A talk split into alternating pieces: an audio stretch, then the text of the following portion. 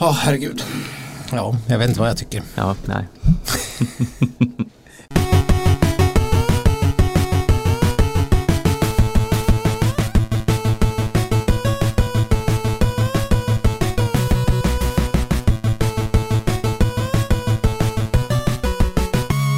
Ja, men halli hallå där ute i eten. Det var inte igår. Eh, Det här är skidsnack som ni lyssnar på och jag heter Stenqvist.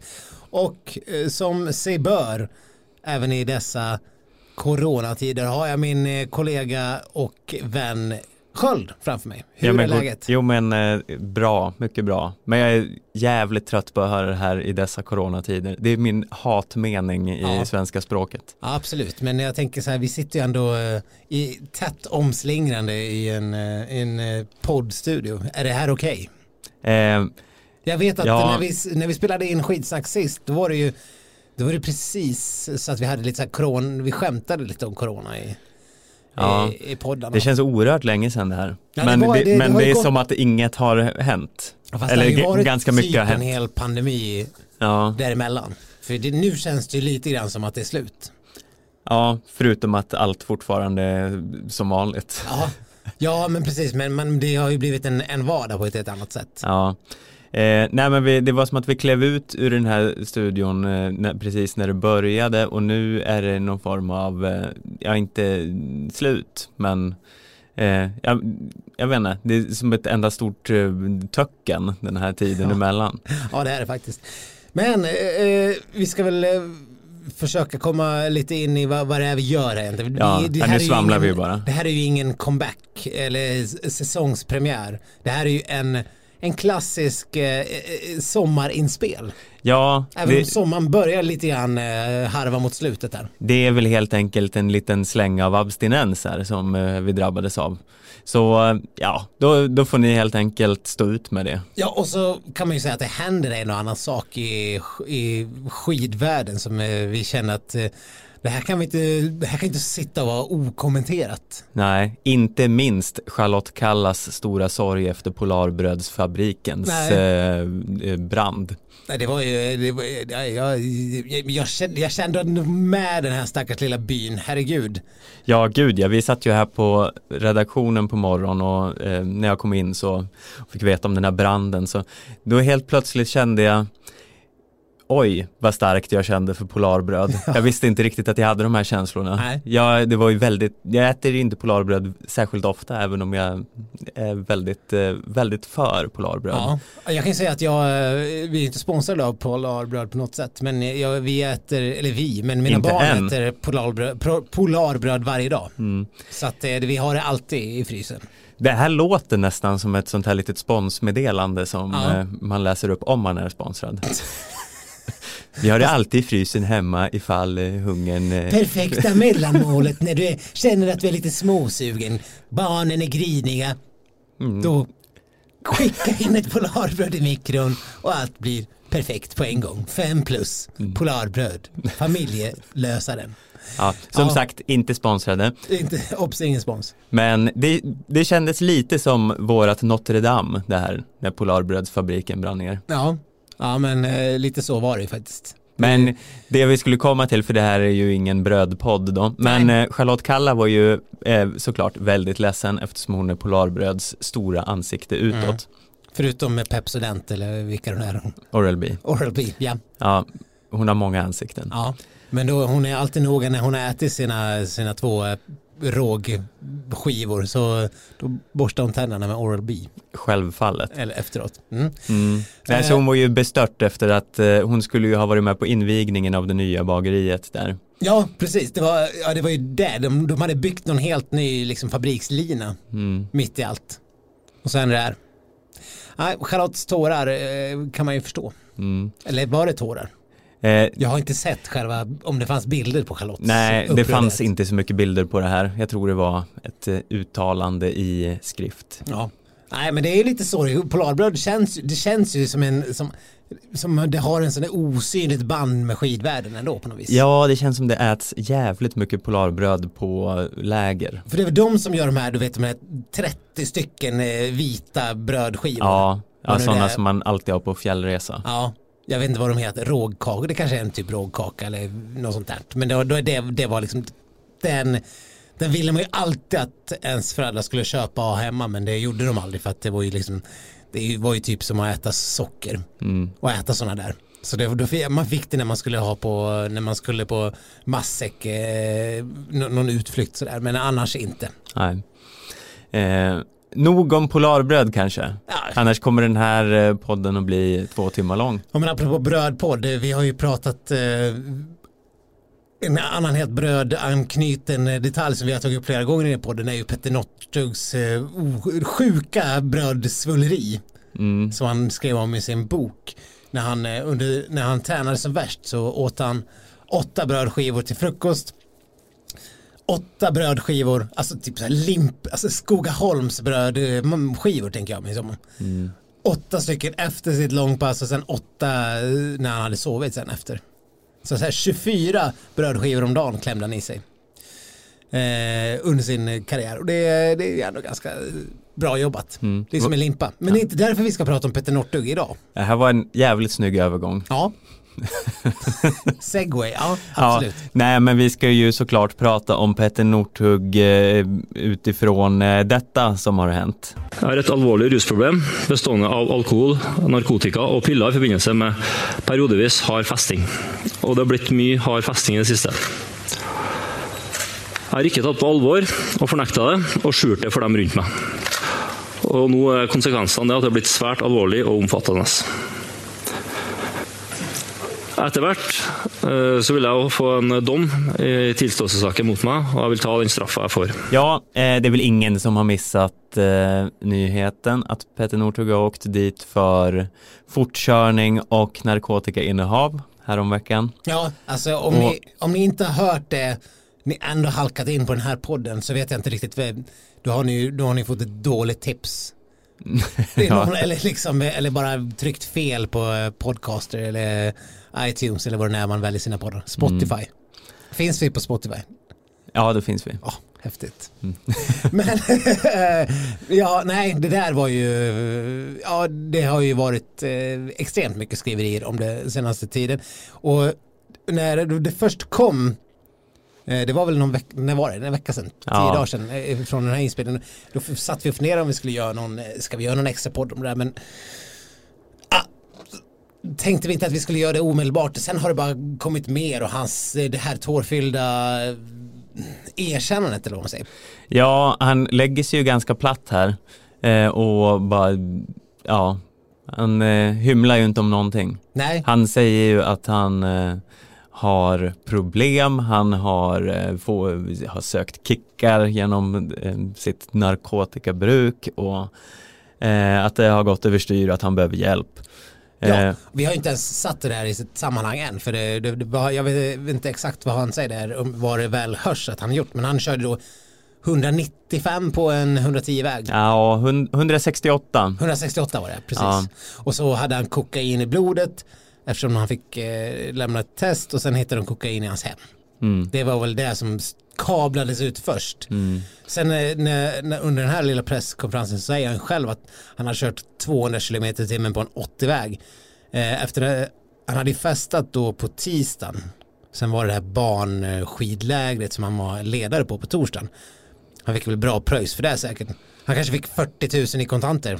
Ja, han hade även 40 000 i kontanter i bilen, vilket, ja, när har man det? Alltså det är ju typ, det är ju langare som har 40 000 i kontanter eller, eller någon som ska köpa en bil. Ja, ja han, han har, det har ju Jag varit tror inte att mycket, Petter Northug köper bilar för 40 000. nej, det har ju varit mycket snack efter den här presskonferensen, för han fick ju väldigt mycket tveksamma, eller tveksamma, men hårda frågor där som journalister har bett om ursäkt för sen. Bland Var det annat, mer än den här bisarra självmordsfrågan? Ja, nej, men ja, det var ju dels det och eh, om han, så här, om han eh, är knarklangare och diverse eh, såna här frågor. Ja, men det, alltså, det, det känns ju ändå inte som en totalt övertrampig fråga. För att vad fan, sitter du och har 40 000 i bilen och du har kokain i ditt hem. Det är, ja, vad är, vad, vad, är, vad är dealen med det? Det är ju ändå en berättigad fråga. Man kan, frågan är fri. Ja, jo, det, i, det, i det här sammanhanget får man ju ändå... Självmordsfrågan Ja. kan jag ju tycka är ett rejält eh, Ja, det, är, det är ju mm, några resor värre. Ja. Nu minns jag inte vad det var i övrigt, men det var en del frågor som eh, han, han, i och med att han bara mm, sa ja, jag är dum i huvudet på allt, så eh, östes det på Ja. kan man säga. Ja, han la sig verkligen platt. Och det, Eh. får man ju, det kan man ju förstå. Eh, Vad ska han göra? Mm. Han kommer ju av allt att döma vad man, om man får lyssna på sån här GW Perssons och sånt att eh, åka in. Ja, sist det begav sig så eh, fick han väl, för han, när han åkte dit för att ha kraschat eh, sin bil för massa år sedan, Också rattfull. ja, rattfull, så då fick han väl fotboja om jag inte missminner mig. Ja, Helt. han, han dömdes väl till typ så här 50 dagar i fängelse och så Mm. satt han av det med en fotboja i hemmet eller något liknande. Eh, och så är det väl, det är väl alltid någon, eh, vad heter det? När man, du måste hålla dig inom lagens ramar under en viss tid annars så får du liksom avtjäna straffet eh, på riktigt. Mm. Eh, nu, nu har jag varit borta från jobb lite för länge för kom ihåg Hittar inte orden riktigt. även de simplaste eh, juridiska termerna dyker inte upp. Nej, Nej. I, inte hos mig heller. Nej. Jag skyller på nylig semester. Ja. Eh, men ja, det, han lär väl åka in nu, talar ju mycket för. Eh, utan att vara någon lagexpert. Ja. Men som återfallsförbrytare, som han ju ändå då är. Eh, så, Villkorlig dom. Att man har vill, ja, Ja. ja. det, kan, det, det kanske är något annat. Skitsamma. Ja. mm. Men ja, jag vet inte, hur, jag vet inte vad man känner kring det här, men man måste ju ändå säga att han, han gjorde ju i och med den här presskonferensen allt rätt. Mm. Det finns inte mycket att tvivla på hans äh, ånger och hans äh, äh, vilja att ta på sig straffet och det, det är, så om man bara ska sätta sig i så här, eh, PR-kostymen så tror jag att han har skött det här exemplariskt efter att det väl hände. Sen själva incidenten, ja, det är ju inte heller mycket att säga om. Det var Men ju jävligt liksom ut- illa. Utvärderar P- mediestrategin. det blir liksom Paul, när kvällspressen ringer upp Paul Ronge och frågar ja, hur tyckte du att han skötte det här nu då? Ja, Fem plus. ja, men vad fan ska man säga om det han har gjort? Det är ju bara jävligt värdelöst. Ja det är det verkligen. Man, vi, har, vi har väl pratat eh, tusen miljoner gånger om, om hans allmänna attityd och hans eh, hur man kunde ibland tycka att den här, den här kaxiga ytan var bad boy-imagen som man kanske försökte jobba det på väldigt hårt under sin karriär. Att den kunde kännas lite påklistrad och fejkad eftersom eh, man, när man såg honom liksom lite grann bakom kameran där man kunde få se när han var i, liksom, i lite mer naturliga miljöer så var han ju ganska lugn och tillbakadragen och inte alls någon som tog plats. Vilket är, han gjorde framför tv-kamerorna sen när, det, liksom, när han visste att det var action. Mm. Eh, men det här är ju, ja, han behöver uppenbarligen hjälp som han säger. Och det är väl det är inte någonting han bara säger, man kan väl hoppas att eh, eh, han kan få det. Sen, sen är han väl också lite för korkad. Det, väl, det måste ju vara någonstans där för att eh, han är ju egentligen inte en korkad person men att åka och filma när man kör 200 på en 80-väg så korkad är han ju inte egentligen. Nej, det känns det- lite som ett rop på hjälp. Det är ju någonstans, eh, precis. Det måste ju vara någonting där som är, är Ja, då vill man ju åka dit. Ja, ja precis. Poängen annars, vad ska han skicka det till sin bror och visa hur tuff han är? Vad är liksom poängen med att filma när man kör i 200? Det är så dumt bara. Mm. Eh, och sen, sen tvivlar jag inte alls på att han eh, hade, att det stämde att han hade festat och dragit kokain två dagar innan han körde bil och kanske han trodde att det var okej. Jag kan inte säga att jag vet hur länge kokain stannar i blodet och hur, hur länge det ska vara lugnt innan man kör. Men jag köper ju helt och hållet hans förklaring att han trodde att det inte var några problem. Mm. Om det nu var så. Eh, men eh, ja, så här kan han ju inte hålla på. Han kommer förstöra, han, är, han har ju redan kommit jävligt bra undan den förra domen. Han har startat glasögonföretag. Jag vet inte om det är bara glasögon, allt möjligt mm. med, med skitkläder och verkar ändå ha det rätt gött. Tv-uppdrag i eh, norska TV2 är det väl han jobbar för. Han och Gunde skulle vara radarpar nu i uh, årets uh, Årets landskampen, landskampen, som vi återkommer till senare. Ja. Eh, nej men han har ju, han har ju sitt på det torra får man ju säga. Ja men han är mycket att förlora. Mm. Ja verkligen, men jag tror ändå, okej okay, nu är det klart att han, landskampen är redan inspelat så det kommer ju ja, det är ju inget som påverkar så. Och han kommer ju såklart inte ha något tv-uppdrag nu på ett tag. Eh, kanske inte efter heller, vad vet man. Men jag tror ju ändå att han kommer gå ganska helskinnad ur det här när han väl har eh, eh, gått igenom sin behandling och eh, ja, när han är tillbaka på fötter igen. Det känns inte som att ja, varumärket tillbaka... Nortug är skadat för livet. Ja men inte vet jag, är det inte lite så här, vad heter det, vad var det, Mika Myllylä och Matti mm. Nyckinen, backhopparen. De här gamla finska, de är ju som har superihjäl sig allihopa. Mm. Bör han inte liksom dras lite grann ditåt? Man kan ju inte hålla på supa och dra kokain. Han, han, sa ju själv att han har festat ganska hårt på slutet. Ja, nej. Det är, det är någonstans är ju något som gör att du kan ju festa hårt ett tag men du kan ju inte festa hårt för länge för då, då blir du ju en Nyckinen. Ja, nej visst.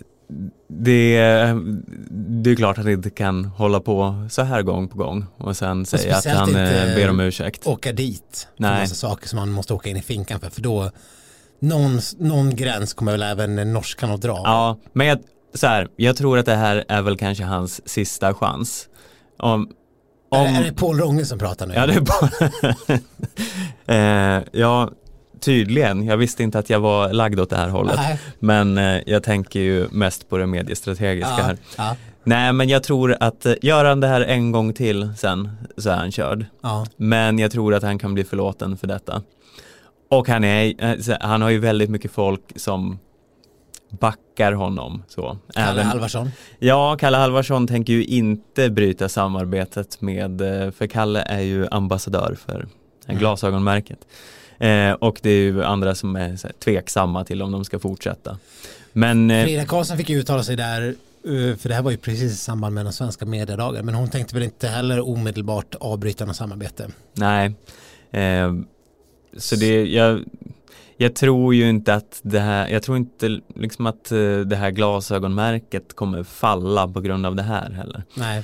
Jag har bara känslan av att eh, ja, folk är besvikna på honom men de hatar honom liksom inte. Nej, jag tror också att han kommer klara den här grejen. Eh, för jag, jag, kan inte tänka mig att Ja, nu menar jag inte att det finns något, något förlåtande i att det just är Petter Norte, men jag skulle inte tro, han kommer inte behöva sitta fyra år i fängelse, det kommer väl bli ett, någon typ av straff, kanske han får sitta inne en, en kortare tid, men han har ju, det han har gjort är att kört eh, för fort med kokain i blodet och det, ja, mm. det är ju vad det är. Men han har ju inte kört ihjäl någon. Nej, och det är ju en jävla tur. Ja, det får man säga i eh. sammanhanget. Jag menar på det här viset så var det ju, det kändes ju nästan allvarligt när han körde rattfull mitt inne i, liksom i, i, i bostadsområde, mm. mitt inne i en stad liksom och, och kraschade i en rodell. Det, då kändes det som att han verkligen kunde kört ihjäl någon. Mm. Det hade han i förlängningen säkert kunnat gjort här också men nu var det ju inte under de förutsättningarna han stoppades. Nej, så ja, jag vet inte. Det... Men absolut, jag håller med. Jag tror att han kommer klara sig undan ganska eh, alltså media, media alltså oskinnad rent eh, ur en eh, helskinnad. Helskinnad, förlåt. Ja. Han, han kommer ju klara det här, han kommer ju komma igenom det betydligt bättre än vad exempelvis eh, Paolo Roberto kommer att göra. Ja.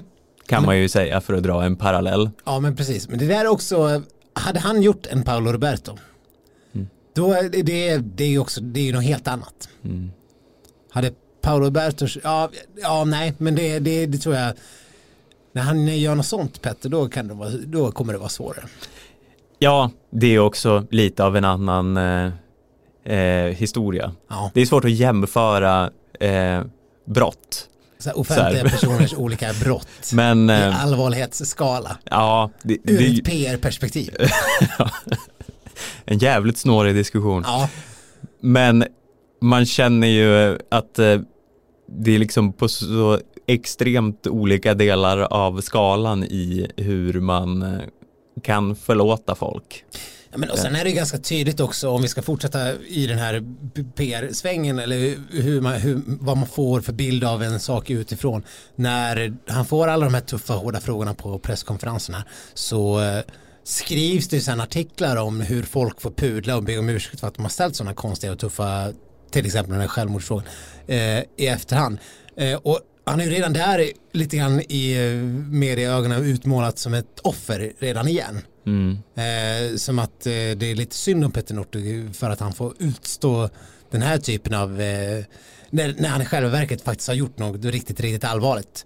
Så att, att han får tuffa frågor kanske kan vara en, en sak som man kan låta flyga egentligen i ett sånt här läge. Men det visar ju att det finns en vilja att eh, backa upp Petter Northug från flera håll, inte bara från Kalle Halvarsson utan kanske även liksom en, om man kan tänka sig som en mer allmän vilja Mm. som styr även medielogiken i det här sammanhanget. Eh, att man redan nu i opinionens ögon har gett Petter Northug en tredje chans. Ja, lite så här bara, jag vet inte, det känns som den kom helt naturligt på något sätt utan att någon riktigt reflekterar över det. Den bara känns att den kommer, den här tredje chansen. Ja, Och jag vet, jag vet inte om det är rätt eller fel, men det, nej men det tror jag absolut. Det kommer Ja. väl bli någon form av mediecirkus när det ska även bli en rättegång vad det lider. ja, Eh, men eh, den känns ju ganska, ja, han, men i och med den här presskonferensen så har han ju redan liksom eh, lagt sig så platt vad man, vad man kan göra han, när han säger att han, han, han, det här saken ska upp i tingsrätten och jag kommer ta mitt straff. mm, det är som att han kommer inte ens, han, ah, ja, det är ingen som kommer korsförhöra honom och fråga honom om han drog kokain samma dag. Det är väl, jag tror att alla köper den här förklaringen som han har lämnat och att det kommer vara den vedertagna sanningen. Det går inte. Så att, eh, nej, det, det kommer vara en formfråga. Sen kommer vi bara låta gå den exakt rätta tiden innan man sätter honom i, i eh, TV2 eller NRK och kommenterar skidor igen. mm. Ja, äh, det blir spännande att se vad som händer här. Eh, kommer du att radera bilden du har när du står bredvid Petter Northug på eh, föreläsningsturnén? borta från alla mina eh, apparater vid det här laget, herregud. Ja, Nej, Nej det, den, är, den är kvar. Jag, Ja. jag har inte riktigt använt den i något sammanhang än, men eh, man skulle kanske kunna göra det nu. Tänk Mm. att här stod jag en gång med honom, ja. Om ja. jag bara visste. Mm, vi får se vad som kommer för lysande content ur det här. Ja. Eh, men eh, ja, Och du då, har du gett eh, Northug en tredje chans? eh, vi får se. Jag, jag väntar eh, och ser hur han eh, eh, tacklar det här. Ja, Men det är mycket möjligt att han får en tredje chans. Ja, ska vi kanske ta upp något av det mest väntade man kan tänka sig så här i en, i en försäsong, mellansäsong. och det finns så mycket du skulle kunna ta upp nu. Ja, vad tror du att jag kommer säga? Det, det finns ju många ämnen. Det mest väntade. Det mest väntade. Ja, nej, ja, nej, alltså. Du vet ju ungefär vad som komma skall eftersom vi har ju ändå satt ihop någon form av litet körschema här. Ja, men jag vet inte exakt vad det är. Är det liksom rullskidekrascher? Eh, ja. Ja, Eh, det, vi, I förra säsongspremiären så gick vi ut hårt och eh, förbannade svenska skidlandslaget att de över en, överhuvudtaget ens tillåter skidåkarna att eh, stå på ett par rullskidor. Mm. För det går ju åt helvete. ja. Och mycket riktigt, det har det gjort igen. Mm. Eh, Stina Nilsson, skidskytten, är ju eh, skadad. Ja. Eh, en armbåge var det väl hon eh, slog i och fick någon lättare fraktur. Eh, och eh, ja, nu får hon hålla på med så här eh, skidåkning och sånt. Mitella skidåkning. Ja, Fast hon hade redan kastat Mitellan läste jag någonstans. ja okej. Men eh, i alla fall, det är Stina Nilsson och frakturer har man ju hört tillräckligt. Ja, det, det här är, laget. det är en otroligt tråkig repris. Eh, så jag vet inte, vad, vad tror du om, eh, hur mycket kommer det här påverka hennes eh, debut som eh, skidskytt? Ja, Men det känns ju som att hon, hon har ju liksom är det någon som inte har all tid i världen på sig att förbereda sig inför säsong så är det väl Stina Nilsson.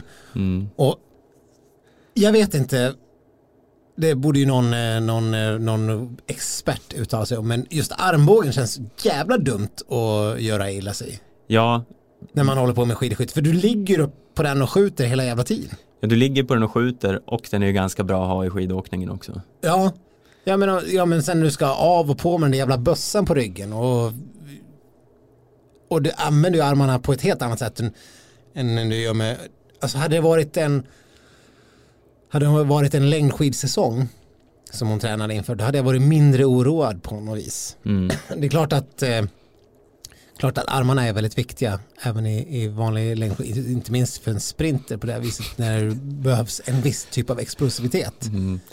Men Våga känns- ett uttalande det här att armarna är väldigt viktiga i vanlig Ja, längdskidåkning också. min teori är att det ändå är viktigare för en skidskytt att ha styr på dina jävla armbågar. Mm. Ja, ja det, det säger jag inte emot. Nej. Så det, och för henne som inte, jag vet inte hur många tusen skott i veckan hon fortfarande har hållit på och plöjt. Man har, det har ju varit väldigt få rapporter om hur det går för henne. Ja det är väldigt så här, de eh, mörkar det där på ett ändå ganska spännande sätt. Ja. Eh, när skidlandslaget och alla åkarna lägger ut bilder nu från sina träningstävlingar och allt och helt plötsligt så är Stina Nilsson där med bland eh, Mona Brorsson och Hanna Öberg och alla och Ja, de kör skulle- några små tävlingar och så avslöjar de inte hur det går. Nej, och det skulle ju vara någon sån här, någon, någon riktig så här landslagstest precis i samband med att hon eh, fick den här fakturen. Mm. Eller strax eh, efteråt liksom. Eh, men man har ju inte hört någonting. Vem vann? Är det liksom Mona? Är hon, eh, har hon gått och blivit Dorotea Viere kanske? Vi har ju ingen aning. Nej. Eller så, så är liksom eh, Lill Öberg kanske gått förbi alla och, och är eh, rena Björndalen vid det här laget. Ja, och Stina Nilsson är kanske liksom värdelös Ja, på att hon åka har inte skidor. träffat tavlan på en enda tävlingen. Nej men hon kanske bara liksom är sämre än alla skidskyttar på Ja. åka skidor också. Vem Ja, fan hade, vet? Ingen hade fattat att hon var så dålig på skidåkningen egentligen. Man Nej. bara trodde att det, de var så mycket bättre. Mm. Men nej, vi har ingen aning.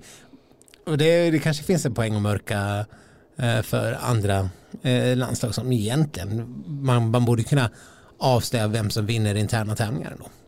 Ja. Alltså, har, de inga, har de inga liksom officiella, vi skulle bott i Tyskland, där känns det som de har rullskidskyttetävlingar varenda helg.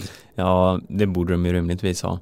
Det måste ju, det är kanske inte jättemånga men eh, några typer av tävlingar lär ju försiggå även här. Ja. Men eh, i övrigt, det är väl ganska logiskt att de mörkar sådana här grejer när det finns sån stor press på henne och så.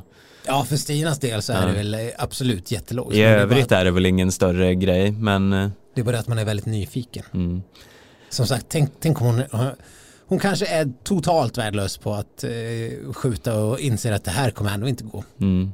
Och kör, hon, ställer, hon, hon bara lägger ner karriären helt. Det, det- hade ju varit intressant att veta. Men det För man vore, har inte fått någon indikation överhuvudtaget. Det var ju precis där i början.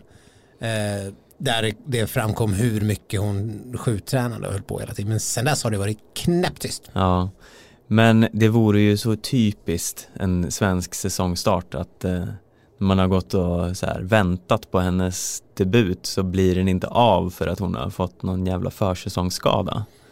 Ja, och Eh. precis. Och nu, vet, nu har inte jag faktiskt eh, under sommar Devalan kollat upp exakt hur det blir med skidskyttesäsongen om de kommer, om de kommer köra om den kommer börja lika tidigt som den brukar göra. För då brukar ju den eh, dra igång nästan någon månad innan eh, längdskidsäsongen. Mm. Eh, alltså med världscupen åtminstone. Så, och jag vet inte om det är det är även i år, för i så fall är det bara ett, ett par månader kvar innan de kör igång. Vilken sjuk tanke. Ja, Eh, nu har man ju vant sig av vid att sport existerar överhuvudtaget. Eller nu har det ju rullat igång på sistone. Men eh, jag vet inte, alltså man får väl anta att det blir en säsong. För så svårt att arrangera skidtävlingar jämfört med om man nu kan hålla igång La Liga och sånt. lär ju inte vara något problem. Nej. Det är väl i sådana fall det här med att åkare ska ta sig mellan eh, olika länder. De får väl begränsa eh, antalet tävlingsorter kanske. Ja, Men eh, i övrigt kan det väl inte finnas något riktigt hot mot att det ska bli en skidsäsong. Eh, Eller? nej det kan det inte göra rimligtvis. Och för skidskyttens del och för skid, och då, det, gick, det såg man ju redan i slutet av förra säsongen att det gick att köra utan publik.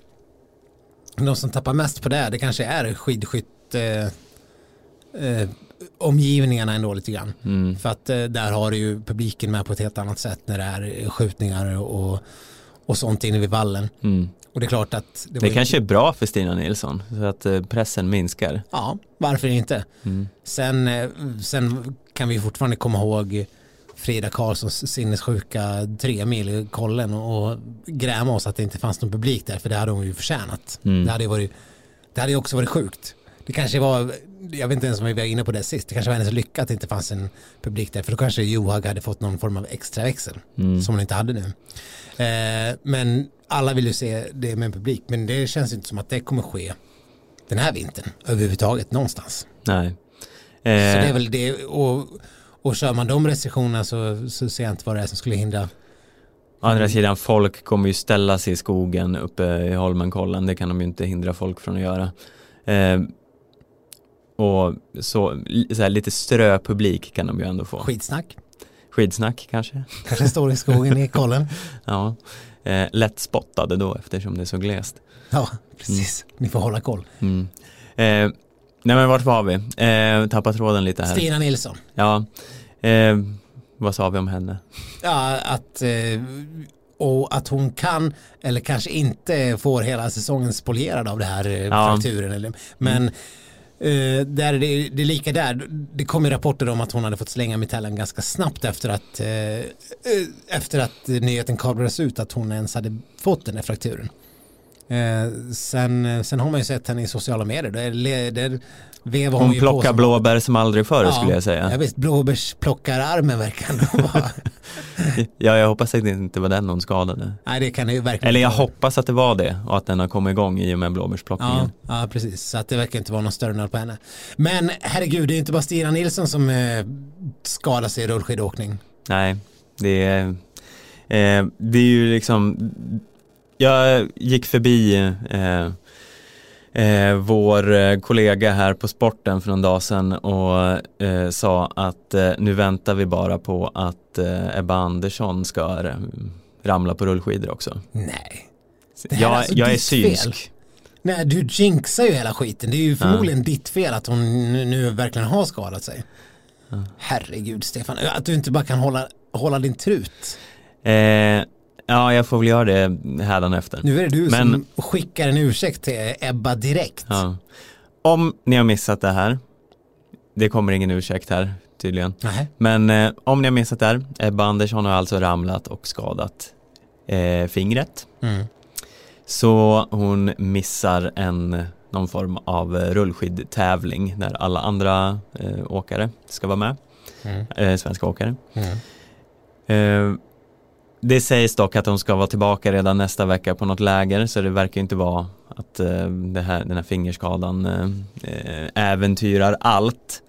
Men bara den grejen att Ebba Andersson får en rullskidskada tycker jag är upprörande i sig. Ja, men, kan vi, har ju, vi tjatade om det här redan förra säsongen. Nu får det väl nu, men nu får det väl ändå vara slut. Ja, alltså nu, ja, vi måste nog eh, eh, påminna oss hur det var. Eh, vi eh, krävde ju då eh, att eh, svenska skidåkare skulle bannas från att åka rullskidor. Och då frågade vi ju faktiskt via vår kollega Anna Rydén, Ebba Andersson, vad hon tyckte om det här förslaget. Och då sa hon så här. Nej, det var nog ett ganska dåligt förslag skulle jag vara ärlig och säga.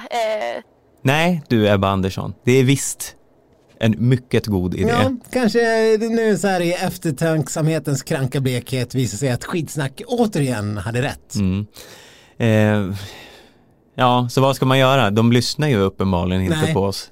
Nej men, men det, kan väl, det borde väl kunna finnas någon, eh, någon form av eh, någon form av eh, tränare som kliver in och tar lite beslut, eller manager, någon som är rädd om deras karriärer. Det, det är lite som att, nej men nu är det mellansäsong, jag tänkte bara köra lite puckelpist här för att hålla, hålla igång benen. Ja.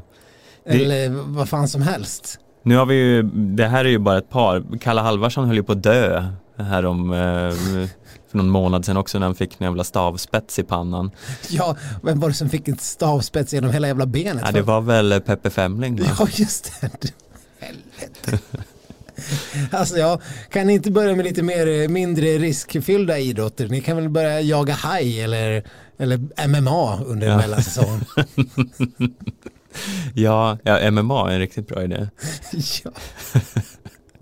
ja, men eh, något, något där man inte är så uppenbart i farozonen att bli skadad för karriären direkt. Ja. Ja, nej, fy fan, jag vet inte. Vi får hoppas att det här var sista i alla fall. Eh, nu bara vi en stilla bön att eh, Frida Karlsson eh, nu håller ihop. Har de liksom inte råd med stakmaskiner i, i där, de här skidåkarna? De har väl något lokalt gym de kan åka och staka på eller någonting i alla fall. Ja, vi kanske får donera våran. Ja. Eller använder du den flitigt? Ja men eh, ändå, ändå, ändå en del. Ja, men det här rullskidåkandet kan de väl lämna över till sådana amatörer som oss. Mm. eh, Som, som kan ha det som mellanträning. Eller liksom Carl-Johan Westberg kan väl hålla på. Han är väl typ så, bäst i världen. Det, känns som jag, det känns som jag har hört det här förr. Ja men precis. Men han är väl också bäst i världen. Är Eh. inte? Eh, ja, det är han säkert. Han vinner väl det här liksom rullskidsvärldscupen och sånt. det blir jättebra. Det kul att han får vinna något. Ja. Jag och, men vi behöver inte låta de, de riktiga skidåkarna hålla på med det där. Nej, Det känns så onödigt. ja, vänta på snön för i helvete. Ja, alltså det är ju också så här två veckor kvar som vi kommer se de här jävla glaciärbilderna. Mm. Kunde ni inte hålla ut det liksom till mitten av augusti utan att behöva stå på ett par skidor? Ja, Herregud. nej, vi får hoppas att vintern kommer jävligt fort nu. Say hello to a new era of mental health care. Cerebral is here to help you achieve your mental wellness goals with professional therapy and medication management support. 100% online. You'll experience the all new Cerebral Way, an innovative approach to mental wellness designed around you.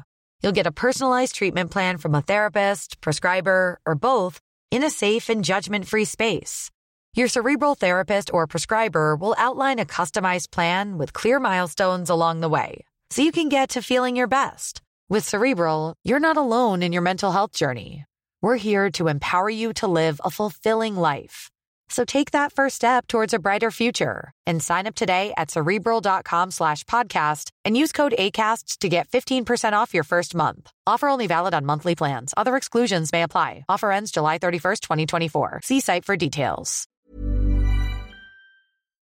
Ja, en annan stor eh, nyhet som har pumpats i sommar är ju den ständiga duellen mellan eh, Frida Karlsson och Ebba Andersson, eh, pre-fingerskada. Ja. Ja, det här är min favoritduell. kan inte du eh, recappa den lite? Eh, ja, det kan jag göra. Det, det handlar ju då om det här Hallstaberget som är ett, där man gör ett känt test. Det finns till och med tävlingar som, som går upp för det här berget. Eh, det är 1800 meters löpning med en stigning på 210 meter. Och för de, det är många som har gått skidgymnasie i, i Så- Sollefteå som eh, Frida och Ebba till exempel. Eh, har ju kört det här mången, mången gång. Och eh, sen har ju Frida Karlsson eh, i sociala medier lite grann så här, lite lurhintat om att ja, nu är rekordet mitt. Utan att säga exakt vad rekordet blev. Och tidigare var väl det officiella rekordet eh, någonstans bit strax över nio minuter tror jag. Mm. Alltså i alla fall för damer, jag, här vet jag inte riktigt. Eh, men Frida menade på att hon hade minsann slagit det och så framkom det inte vad det var hon hade för tid. Så jag vet inte, det var, det var inte någon officiell förbättring för det var inte inom tävlingsform. Men sen kom ju nu uppgifter om att eh, Ebba Andersson hade slagit det officiella rekordet och hade sprungit upp för den här backen på 8.55 eller något i den stilen. Eller om det var 9.01 som var det var, om det var tävlingsrekordet. Men det var 8.56. 8.56. Mm. Eh, och det är ju det är ganska bra, eh, får man säga. Men sen Frida Karlsson slog ju senare till och fick en ännu bättre tid. Och då har väl hon, eh, ska vi se, har du tiden framför dig? Ja, någonstans? 8.36. 36. 36, ja precis. Mm. 20 sekunder snabbare alltså. Ja, och för att sätta det här i lite sammanhang, jag har räknat lite på det, det är ju då en kilometertid på 4.44. Mm. Och det låter inte så, så jävla mäktigt. Eh, nej, men det är väl jävligt brant Ja, antar jag. precis. Du kan väl tänk, tänk dig själv Ste- Stefan, 4.44, du som är ändå god maratonlöpare ibland tidigare i ditt liv. Mm. Eh, men du, 4.44 kan du hålla ett par kilometer utan problem. Ja, absolut. I, även i nuvarande form. Ja, Ja. Eh, men då är det ju så att du har en stigning på 210 meter också. mm.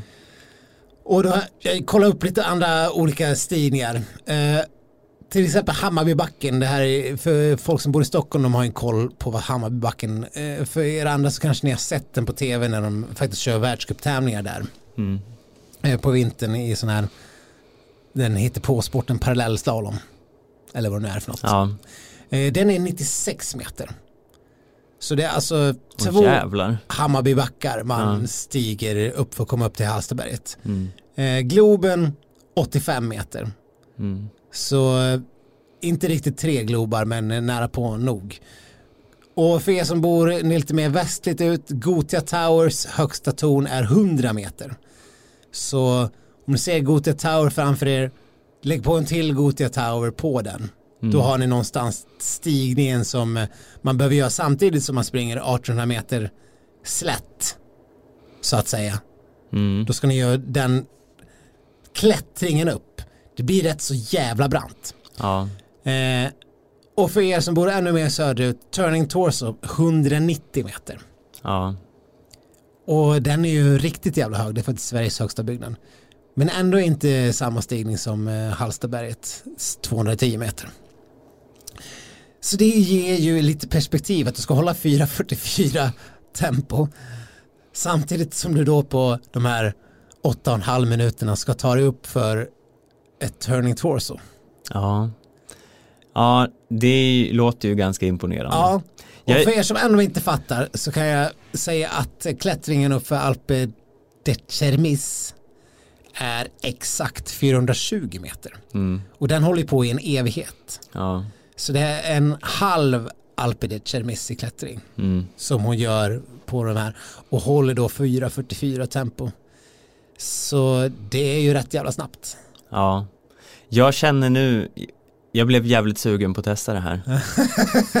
eh, Ja, har du, det skitsnack i Sollefteå? ja, jag tror ju inte att eh, vi kommer att få det sanktionerat att åka till Sollefteå för att Åh, testa det här. vad Men, tråkigt. eh, men, oj, vad hände där? Ja, jag, blev, jag blev chockad bara av ditt eh, Ja. förslag här. Ja. Eller jag vet inte. Men riktigt om, vart- jag säger om, Vart det barkar här. om vi skulle ha vägarna förbi Sollefteå någon gång, Ja, då måste vi testa den här backen. ja Nu, absolut. nu är det ju inte det så troligt att det kommer hända, nej, men, det kommer ju verkligen inte hända. men om ni sitter där uppe och känner att ni vill bjuda in oss på en, eh, ett backtest så Frågan är om vi, om vi knäcker Hammarbybacken på 8.30. Men Det- den är ju ganska, den är ju, det är inte så lång sträcka upp där. Nej, precis. Man får ju nästan, man får ju, det finns ju en, om, en, en bilväg som går liksom runt. Man får ju mäta upp, det måste ju vara 900 meter i alla fall, så man, så man får en känsla för halva sträckan och halva klättringen. Mm. Det, det, det, borde, det borde kunna gå. Ja, Finns, det borde finnas ett sånt test även i Stockholm. Om det är någon som hör det här som har lite koll på sådana olika test så skitsnack är väldigt intresserade av Ja. att testa själva. vi orkar inte googla. Frågan är om vi vill, ens vill göra det här testet. Ja. Men man vill ju alltid göra testet på pappret, sen kanske det är lite jobbigt när man väl står där. Ja. Men, Ja, nej, men det, det är i alla fall sinnessjukt eh, imponerande. Mm. Och jag kan tänka mig att Ebba är lite så här eh, purken. ja. Men Ebba har ju faktiskt tävlingsrekordet. Ja, Hon eh, eh, har ju det som är på 9.01 Mm. eh, och tävling är ju tävling liksom. Det är ju inget annat som räknas. Så hon kan ju ändå fortfarande hävda sin rätt till rekordet. ja. Ja, det, det, det får man väl säga. Men det, hon vet ju någonstans också innerst inne att eh, Frida förmodligen inte hittar på det här. Nej. Det är någon som har tagit tid åt henne. Mm. Så att, eh, men det vore ju jävligt kul att se dem mötas i en duell. Ja. Ja, eh, lämplig tv-kanal, plocka upp det här. Bjud in skitsnack.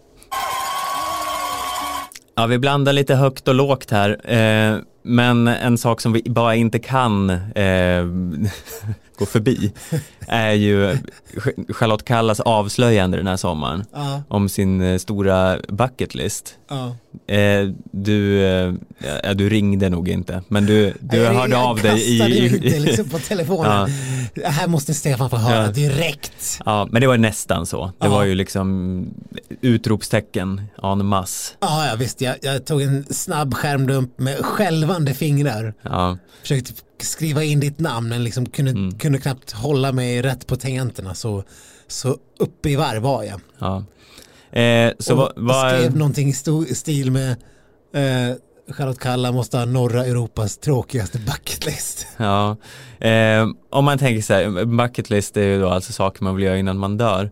Har du någon sån på rak arm, någon så här, ja, dra till med något bara? Ja men jag vill åka till Indien innan jag dör. Okej, ja. Ja, Mm, det, är väl, det, är väl, det är väl ingen sån här grej. nej, Men det var något jag skulle vilja göra. du vill inte klättra upp för liksom, K2. Mount Everest eller något? Nej. Inte för det ligger i Indien, men ändå. Nej, nej, det, nej, vadå vill du? Nej, men jag bara tänkte om det fanns något, ja, Nej men det, det är ändå något ja. sådär. Mm. Men eh, Charlotte Kalla hon, eh, henne, he- hennes... Det är inte liksom aim, aim for the sky Nej, riktigt. det är lite mer så här realistiska. Ja, Det är inte den här, jag skulle vilja fara ut i rymden. Nej. Jag ska köpa mig en plats på Elon Musks nästa rymdfärja. Nej. Inte den. Nej, det är ju liksom, det är ju andra spektrat av det. Indien görbart. Ja, men det- Eh, jag menar, det rymden förmodligen inte görbart. Nej, för då ska jag bara, okej visst jag kan bli multimiljonär. Mm, Men det kanske kostar 10 miljoner dollar eller något att få Ja. en plats. ja, och Det- jag kan dö. Jag kan dö. Ja. Eh, men Charlotte Kallas, ja det är ju högst görbart. Det är så lågt ställa förväntningar. Man måste ju älska det på något vis. Eh, jo men så här va. På hennes bucketlist Mm. stod då att eh, egen hemma, egna, egenodlade tomater. Det har alltid stått på min bucketlist. Jag har alltid velat haft så mycket tid att jag kunde odla tomater hemma. Nu har det skett. Så, bock för Kalla. Ja, Ja, det- så Det är ju fantastiskt. Jag, jag menar, nog ja, för att det kanske, det är inte jättelätt att få till en skörd alla gånger. Nej, jag, jag, Men- jag vet själv hur det är. Jag har, jag har försökt odla tomater på min balkong. Oftast har det slutat med att liksom de här orangea minitomaterna som inte skulle vara minitomater har, har legat kvar där när hösten har börjat eh, nalkas och allt mer hur liksom tomatplantan har vissnat och blivit bruna bruna så har tomaterna fått ligga kvar och ja, sen när, när vintern är slut så har de bara försvunnit tomaterna. Man vet inte var de har tagit vägen för att plantorna har fått ligga under snön.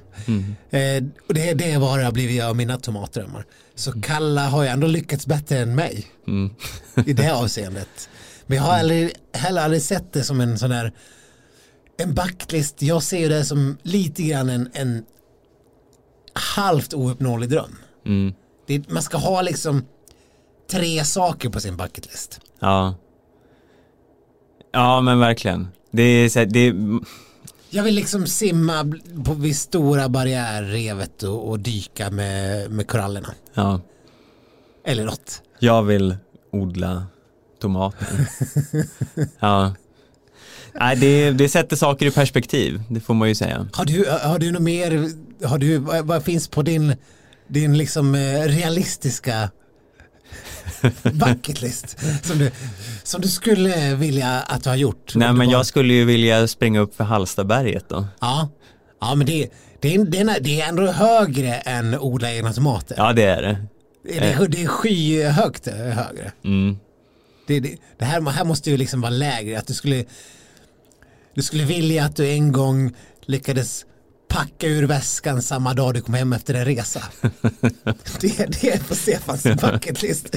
En, en dag hoppas jag att så kan du lägga ut en en eh, bild på Instagram med din tomma väska redan samma dag som du kom hem från semestern. Men du det, är här, det är något som egentligen inte händer men en dag kanske det händer. Men vill du veta? Nej. Det, har, det hände faktiskt den här Nej. sommaren. Ja det här är lögn. Nej, nej det, jag, jag svär. bullshit. Ja, det är så, jag får komma på något nytt. Eh, du, du har verkligen gjort det här. ja, Packat upp resväskan samma dag. Ja, det har jag gjort. Ja, det är ju sjukt. Ja, det är ju sjukt faktiskt. Vem gör det? Ja, vem gör det? Men eh, det var någon släng av eh, eh, mani där. Det är ju liksom, ja nej, det är, jag, jag, är, jag, är, jag är hänförd.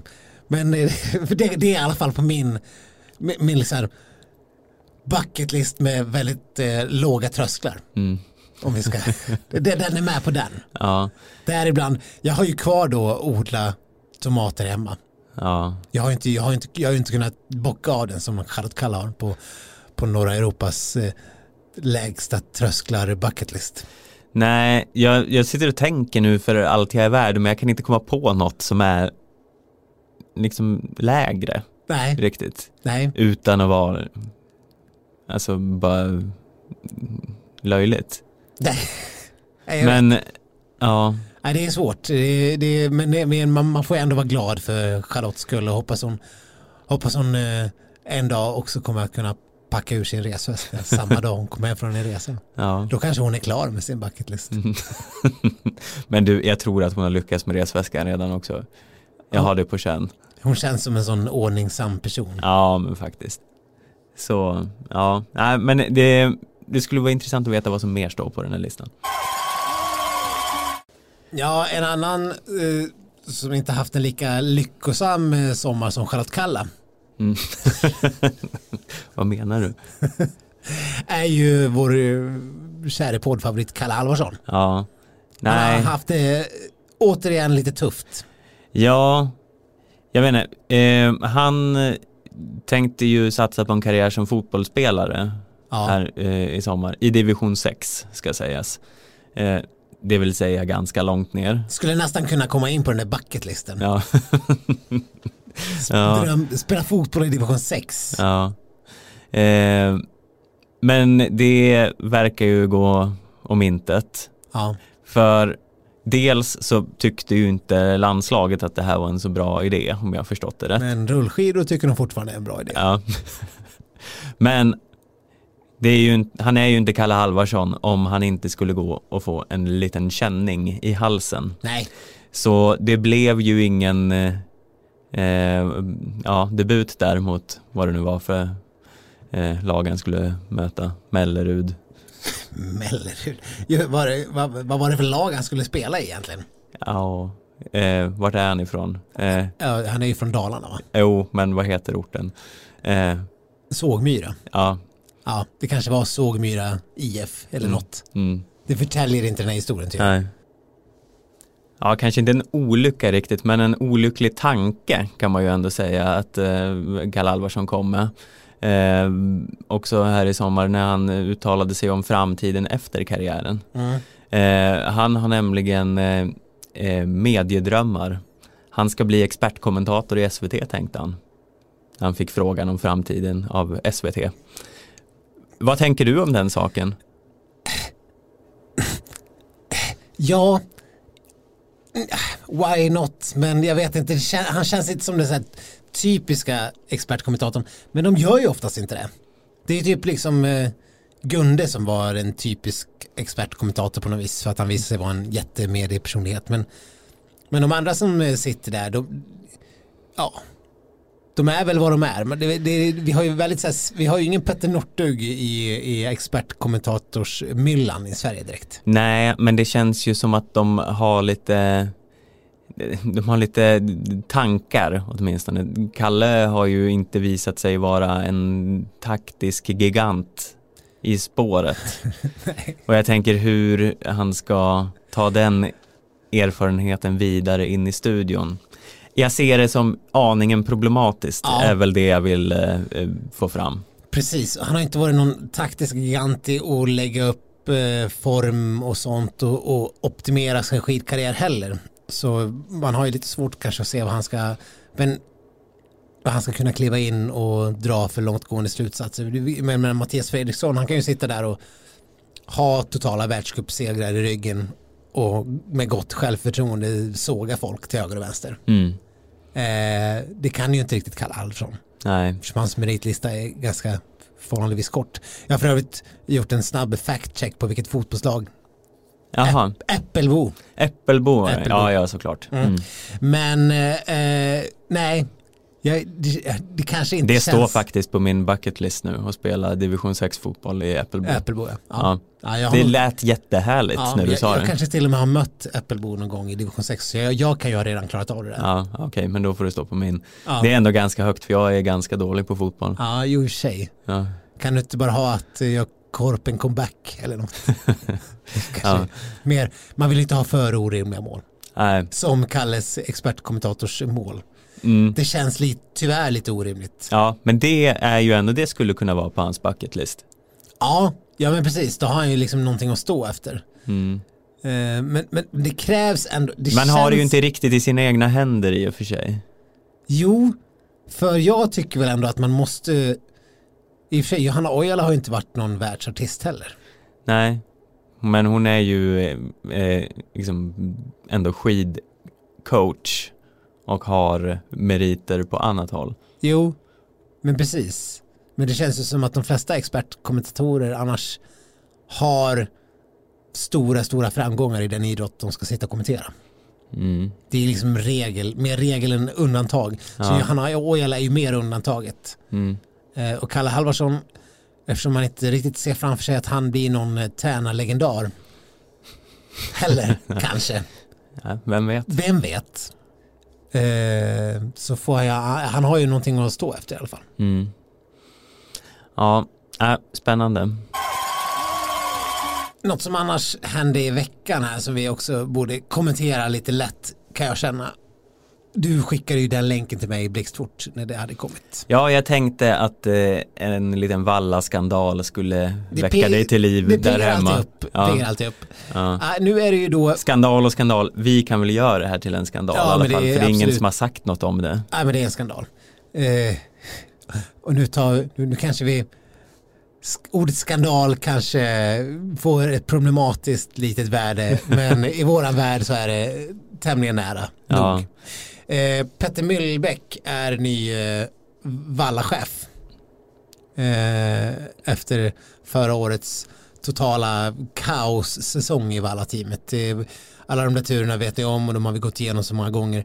Eh, så att det är ingen som orkar höra på det. Men eh, nu tycker Petter eh, Mylbäck här, Mylback att skidåkarna inte längre ska få uttala sig om eh, skidorna var bra eller inte. Nej, det tycker han då, nu förenklar jag av hans, eh, sammanfattar jag hans ståndpunkter i en artikel. Han tycker att eh, det ska de berätta för sina vallare som sammanställer till honom så kan han berätta det i media. Hur skidorna var. Mm. De får ingen munkavle. De får säga vad de vill, men vi tycker att de inte ska göra det. Jag blir ju rosenrasande. Ja, Det är ju bara, det är ju i princip uteslutande tack vare sådana som Jens Burman eh, och eh, vilka är det mer som har varit ute och veva. ja de flesta, eller många senaste säsongerna, det har ju varit befriande att man har fått höra vad de verkligen tycker. Otroligt. Eh, det var, ja, Och det har- är ju av en anledning, det är för att det har varit kast och då har de inte kunnat, kunnat hålla sig.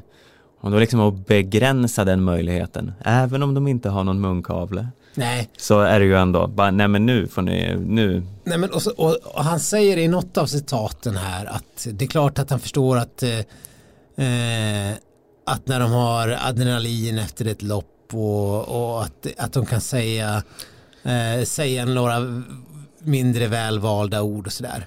mm, Men för då är, är sanningen så jävla farlig? nej det För det är de säger efter ett lopp när skidorna har varit kass är ju att skidorna är kass. Ja. Det är inte liksom, det finns inte så mycket eh, nyanser där. Det är ju liksom Dessutom ser man det ju som tittare. Ja. Det är ju så här, Det har ju ja, varit så otroligt påtagligt den här säsongen långt Ja. efter vi har varit vid så många tillfällen. Och det är, vadå, ska vi liksom, behöver inte fact-checka det här, vi har varit sämre Men än det- här- andra toppnationer. ja, och det här blir ju en helt jävla bizarr situation. Ska då, om åkarna får frågan av eh, media, hur var skidorna? Ska de då stå där och liksom, inga kommentarer? ja. eller ljuga. Eh, de kan ju såklart, eh, eller ja de har ju jobbat med metoden ljuga tidigare. Eh, att eh, ja, jag hade, mycket fart i benen idag, eller någon sån här skön omskrivning. Precis. Eh, Ja, jag menar någon som brukar, eh, Charlotte Kalla har väl varit lite grann så här, hon har väl inte velat kritisera vallarna så mycket rätt ut. Det det var väl till och med som att eh, hon, hon fick, eh, hon, hon, kan ju, hon kan ju bara vara sitt sura jag och liksom svara jättekort på frågorna och som det är. Eh, men till och med hon var väl i princip ute och vevade eh, när hon hade fått för dåliga skidor. Och det är väl, det är väl jättebra att det kommer en yttre press som läggs på Valla-teamet och eh, ledningen att någonting verkligen behöver, behövs göras åt saken. För det visar ju, inte minst den här säsongen, när det verkligen har skett saker. mm, Folk har bytts ut och folk har blivit av med sina tjänster och vallningsgeniet Perry Olsson mm, har äntligen kommit tillbaka till Sverige. Nu kommer det, nu, vi kommer inte ha några problem med dåliga skidor nu när Perry är i laget. Det är, nej. Men det kommer vi heller aldrig få veta för nu lägger vi locket på. ja. ja, nej, Ja, det här är så dumt så att det, jag vet inte vad jag men ska rent säga. historiskt har det väl aldrig visat sig att, eh, att eh, det här med att sätta förbud på, på eh, idrottare att, på vad de får och inte får säga att det har rent historiskt visat sig ha någon positiv effekt egentligen. Att folk känner sig eh, mer inlåsta och instängda i vad de får göra och sådär. Det är rent så, så det, det är du, nu är jag som journalist kanske lite biased men det är ingen jättebra mediestrategi att, att gå in och berätta exakt vad folk får och inte får säga. Mm, nej. Speciellt inte svenskar som ändå är van att ha en viss yttrandefrihet. Det kanske funkar i Nordkorea men kanske inte jättebra i Sverige. Nej, och du ser hur det går för Nordkorea i skidspåren. Ja, sämst. Mm. Nej, så eh, Petter Mühlback kan ju göra om och göra rätt kan jag känna. ja verkligen. Ja, och eh, till något helt annat. Eh, Vi har ju varit in lite grann på Petter Northug och Gunde Svan som nya radarparet i årets säsong av Landskampen. Mm. Vi eh, pratade väl lite om det här har jag för mig och eh, det kändes väl som att ska de verkligen göra en ny säsong och vilka ska de ha med då? Eh, jag ska svära på det här men jag för mig att du var väldigt tveksam till om det skulle bli en ny säsong och jag kände lite mer att ja, ja, men det finns väl några att slänga in. Ja, Känner du igen det här resonemanget?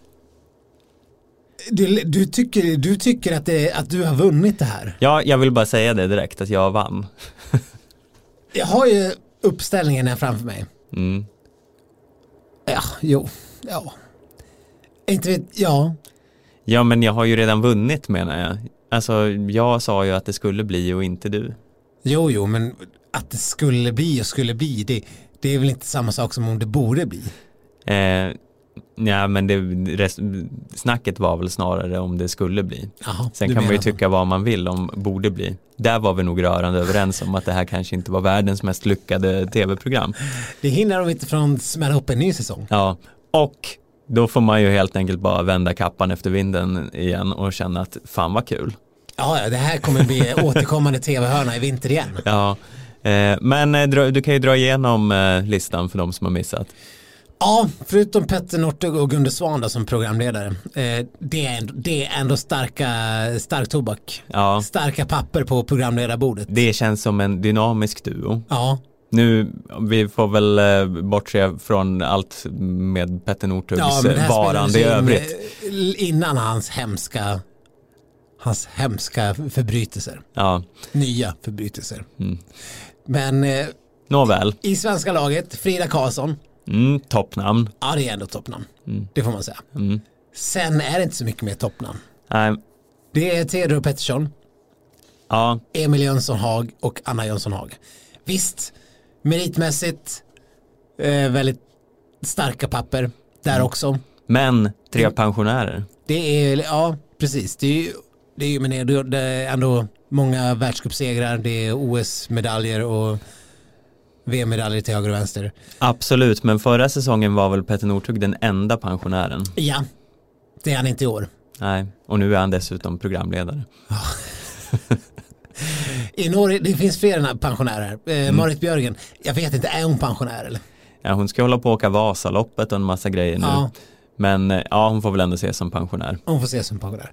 Martin Jonsson Sundby, Ja, på gränsen till pensionär, men ändå aktiv. ja, vi har inte fått något besked där. Nej, han är ju petad från eh, landslaget, Ja. men eh, ja, Men han har inte sagt själv att han lägger av eller eh, bestämt att han fortsätter. han kommer säkert göra någon egen satsning och få åka lite då och då. Jag Men, minns mest hans stora besvikelse, för petningen kom ju redan i, i våras. ja, Det var ganska direkt efter säsongen typ som han petades. Mm. Ja, eh, Tarjei Bö. ja, ja, men det är ju förmodligen ett starkt namn. Ja, han är inte pensionär i alla fall. Nej, det känns som det, bara man är aktiv är man ganska slagkraftig här. Ja, och sen har vi Ingrid Landmark Tandrevold. Ja, också eh, aktiv. Så mm, fördel Norge på Mm. aktiva sidan. Det känns, det här har de gjort lite som med skidsnack. De har fått lov att liksom kuppa in lite skidskyttar Mm. för att ändå hålla det till så att vi verkligen är en, ett program för skidor och skidskytte. Ja, i Sverige lyckades de då Nej, inte de den här säsongen. liksom ingen. De kunde ha tagit Stina Nilsson. Så hade de eh, kammat in båda läger. Ja, men då hade de nog fått betala någon form av Johaug-gage Ja, om Stina skulle ställa upp på det här. ja det, jag tror inte det är något miljongage till någon av de här. Björgen, Ja, Björgen kanske då. Anna Eh, och Emil, de, de, de har nog ja, de fick en eh, påse karamellkungen så signar de. jättenöjda. Ja. Får vi bo gratis? Mm. wow. Ja, nej, ehm, nej men Theodor, Emil och Anna, det känns ju inte som att eh, vi sitter i förarsätet på att vinna det här direkt. Eh, I sig, jag menar Emil och Anna. Ja, de är ju meriterade eh, alla tre, men det är ju något med att vara pensionär. ja Det är även om de är alltså unga allihopa. Theodor Pettersson som jag i förbifarten bara såg att han är inte, han är pensionär från skid, skidåkandet. Men när, när svenska vallateamet skulle ta och, och anlita sig eller anställa en eh, testpilot, Ja, då är det Theodor Pettersson. ja.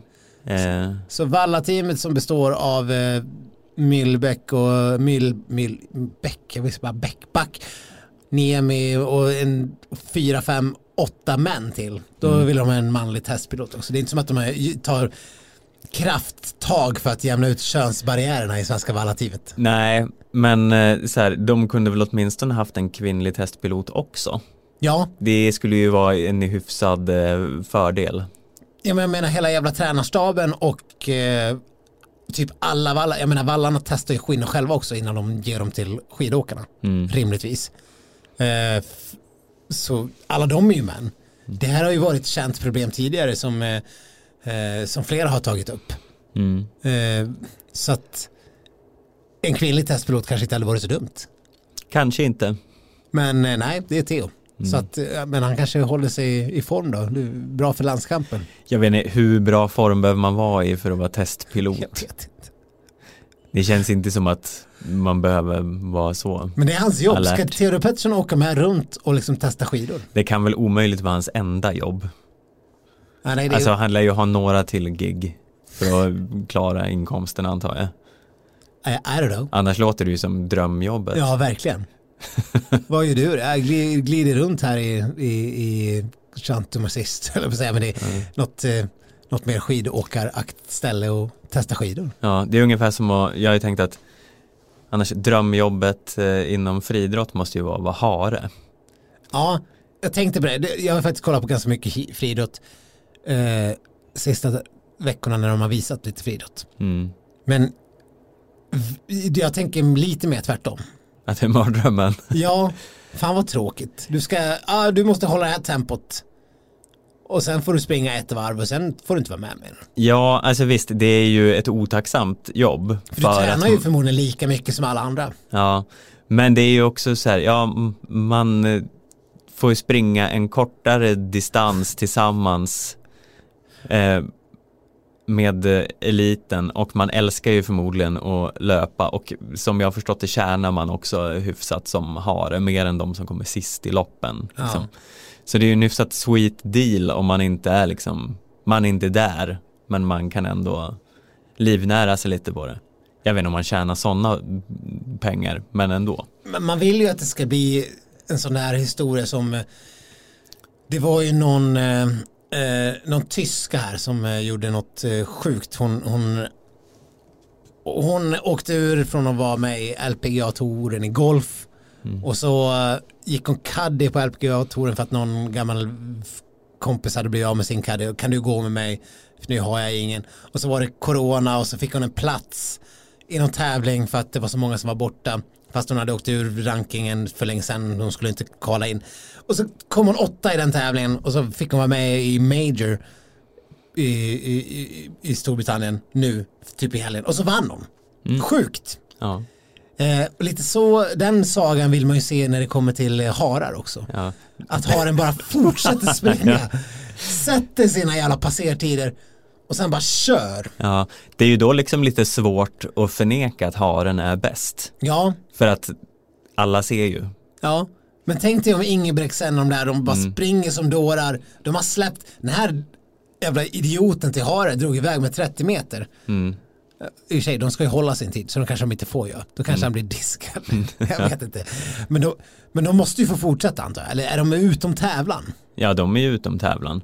Men om de skulle springa i mål på världsrekord är det ju svårt att säga att nej, nej, eh, han räknas inte. Nej, precis. När, man, Alla när alla vet, alla såg att han var snabbast. Ja, du, får, du, får ingen, Mm. du får ingen diamant men du, du får världsrekordet.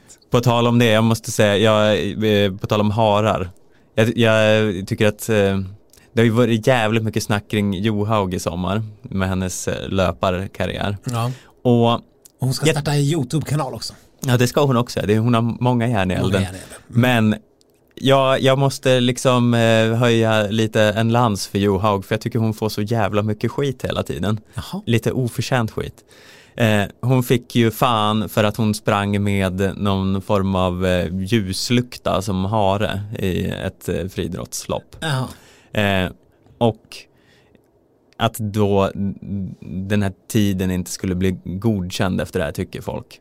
Men why the hell not när det finns, när de tillåter mänskliga harar?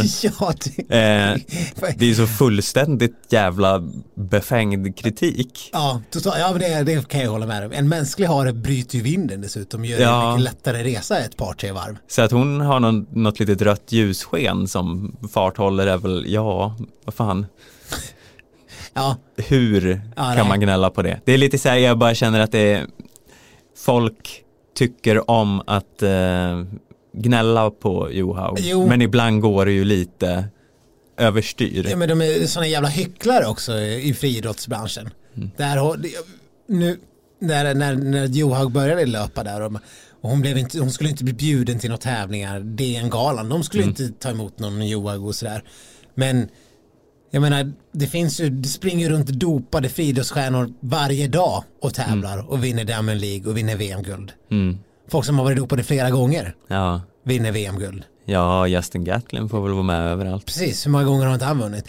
Och, och sen står det och säger att nej men Johaug, hon har ju faktiskt, ja men, ja, nej, hyckleri och, Ja. och få en tratteri Ja, kan jag känna lite grann. Och, och det där med röda lampan är ja, totalt befängt eftersom en mänsklig hare är mycket effektivare. Mm. Alltså för, för löparna bakom. ja, hashtag eh, backa Johaug. Så långt ska vi inte gå. eh, vi ska inte riktigt avsluta än. Vi har en liten eh, En, en liten, en nugget kvar ja, att bjuda på. ja det är en, en riktig jävla godbit. Det är en bra, det är en bra nugget. Ja. Eh, du var lite inne på eh, om vi, om vi ens, får vi ens avslöja det här det här namnet på den här landslagsstjärnans Mm. galna utbrott. Ja, ja nej, det är... Fångat i sociala medier. Mm. Men eh, med tanke på att det är en annan eh, gammal landslagsåkare och numera det är Simon Anderssons Instagram som vi har snott därifrån. Mm. Han, eh, han var ju en del av det legendariska stafettlaget som bara bestod av Anders Simonsson och Simon Anderssons Ja. en gång i tiden när vi hade en, en riktig C-uppställning eh, när det var stafett i Norge Mm. som ni minns. Eh, Simon Andersson är för övrigt en, ja men han, är väl, han har väl varit på, här, på gränsen, Ja. utvecklingslag och sånt i hundra år. Nu tror jag han är lite mer löpcoach och håller på. Eh, men eh, han publicerade det här klippet, ni ska få höra ljudet, eh, det är från en golfbana. ja, varning för känsliga Ja, lyssnare. precis. Eh, Om ni har små barn så kanske de inte ska lyssna på det här.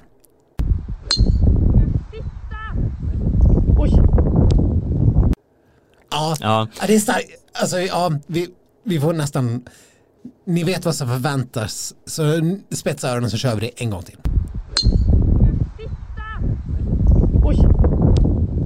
Vi kommer... ja, det är, ändå, det är ändå starkt. ja, det är starkt, särskilt för att komma från en skidåkare. Ja. Det är inte vad man väntar sig. Landslagsstjärna. Mm. Det, det kan inte bli mer landslagsstjärna så här.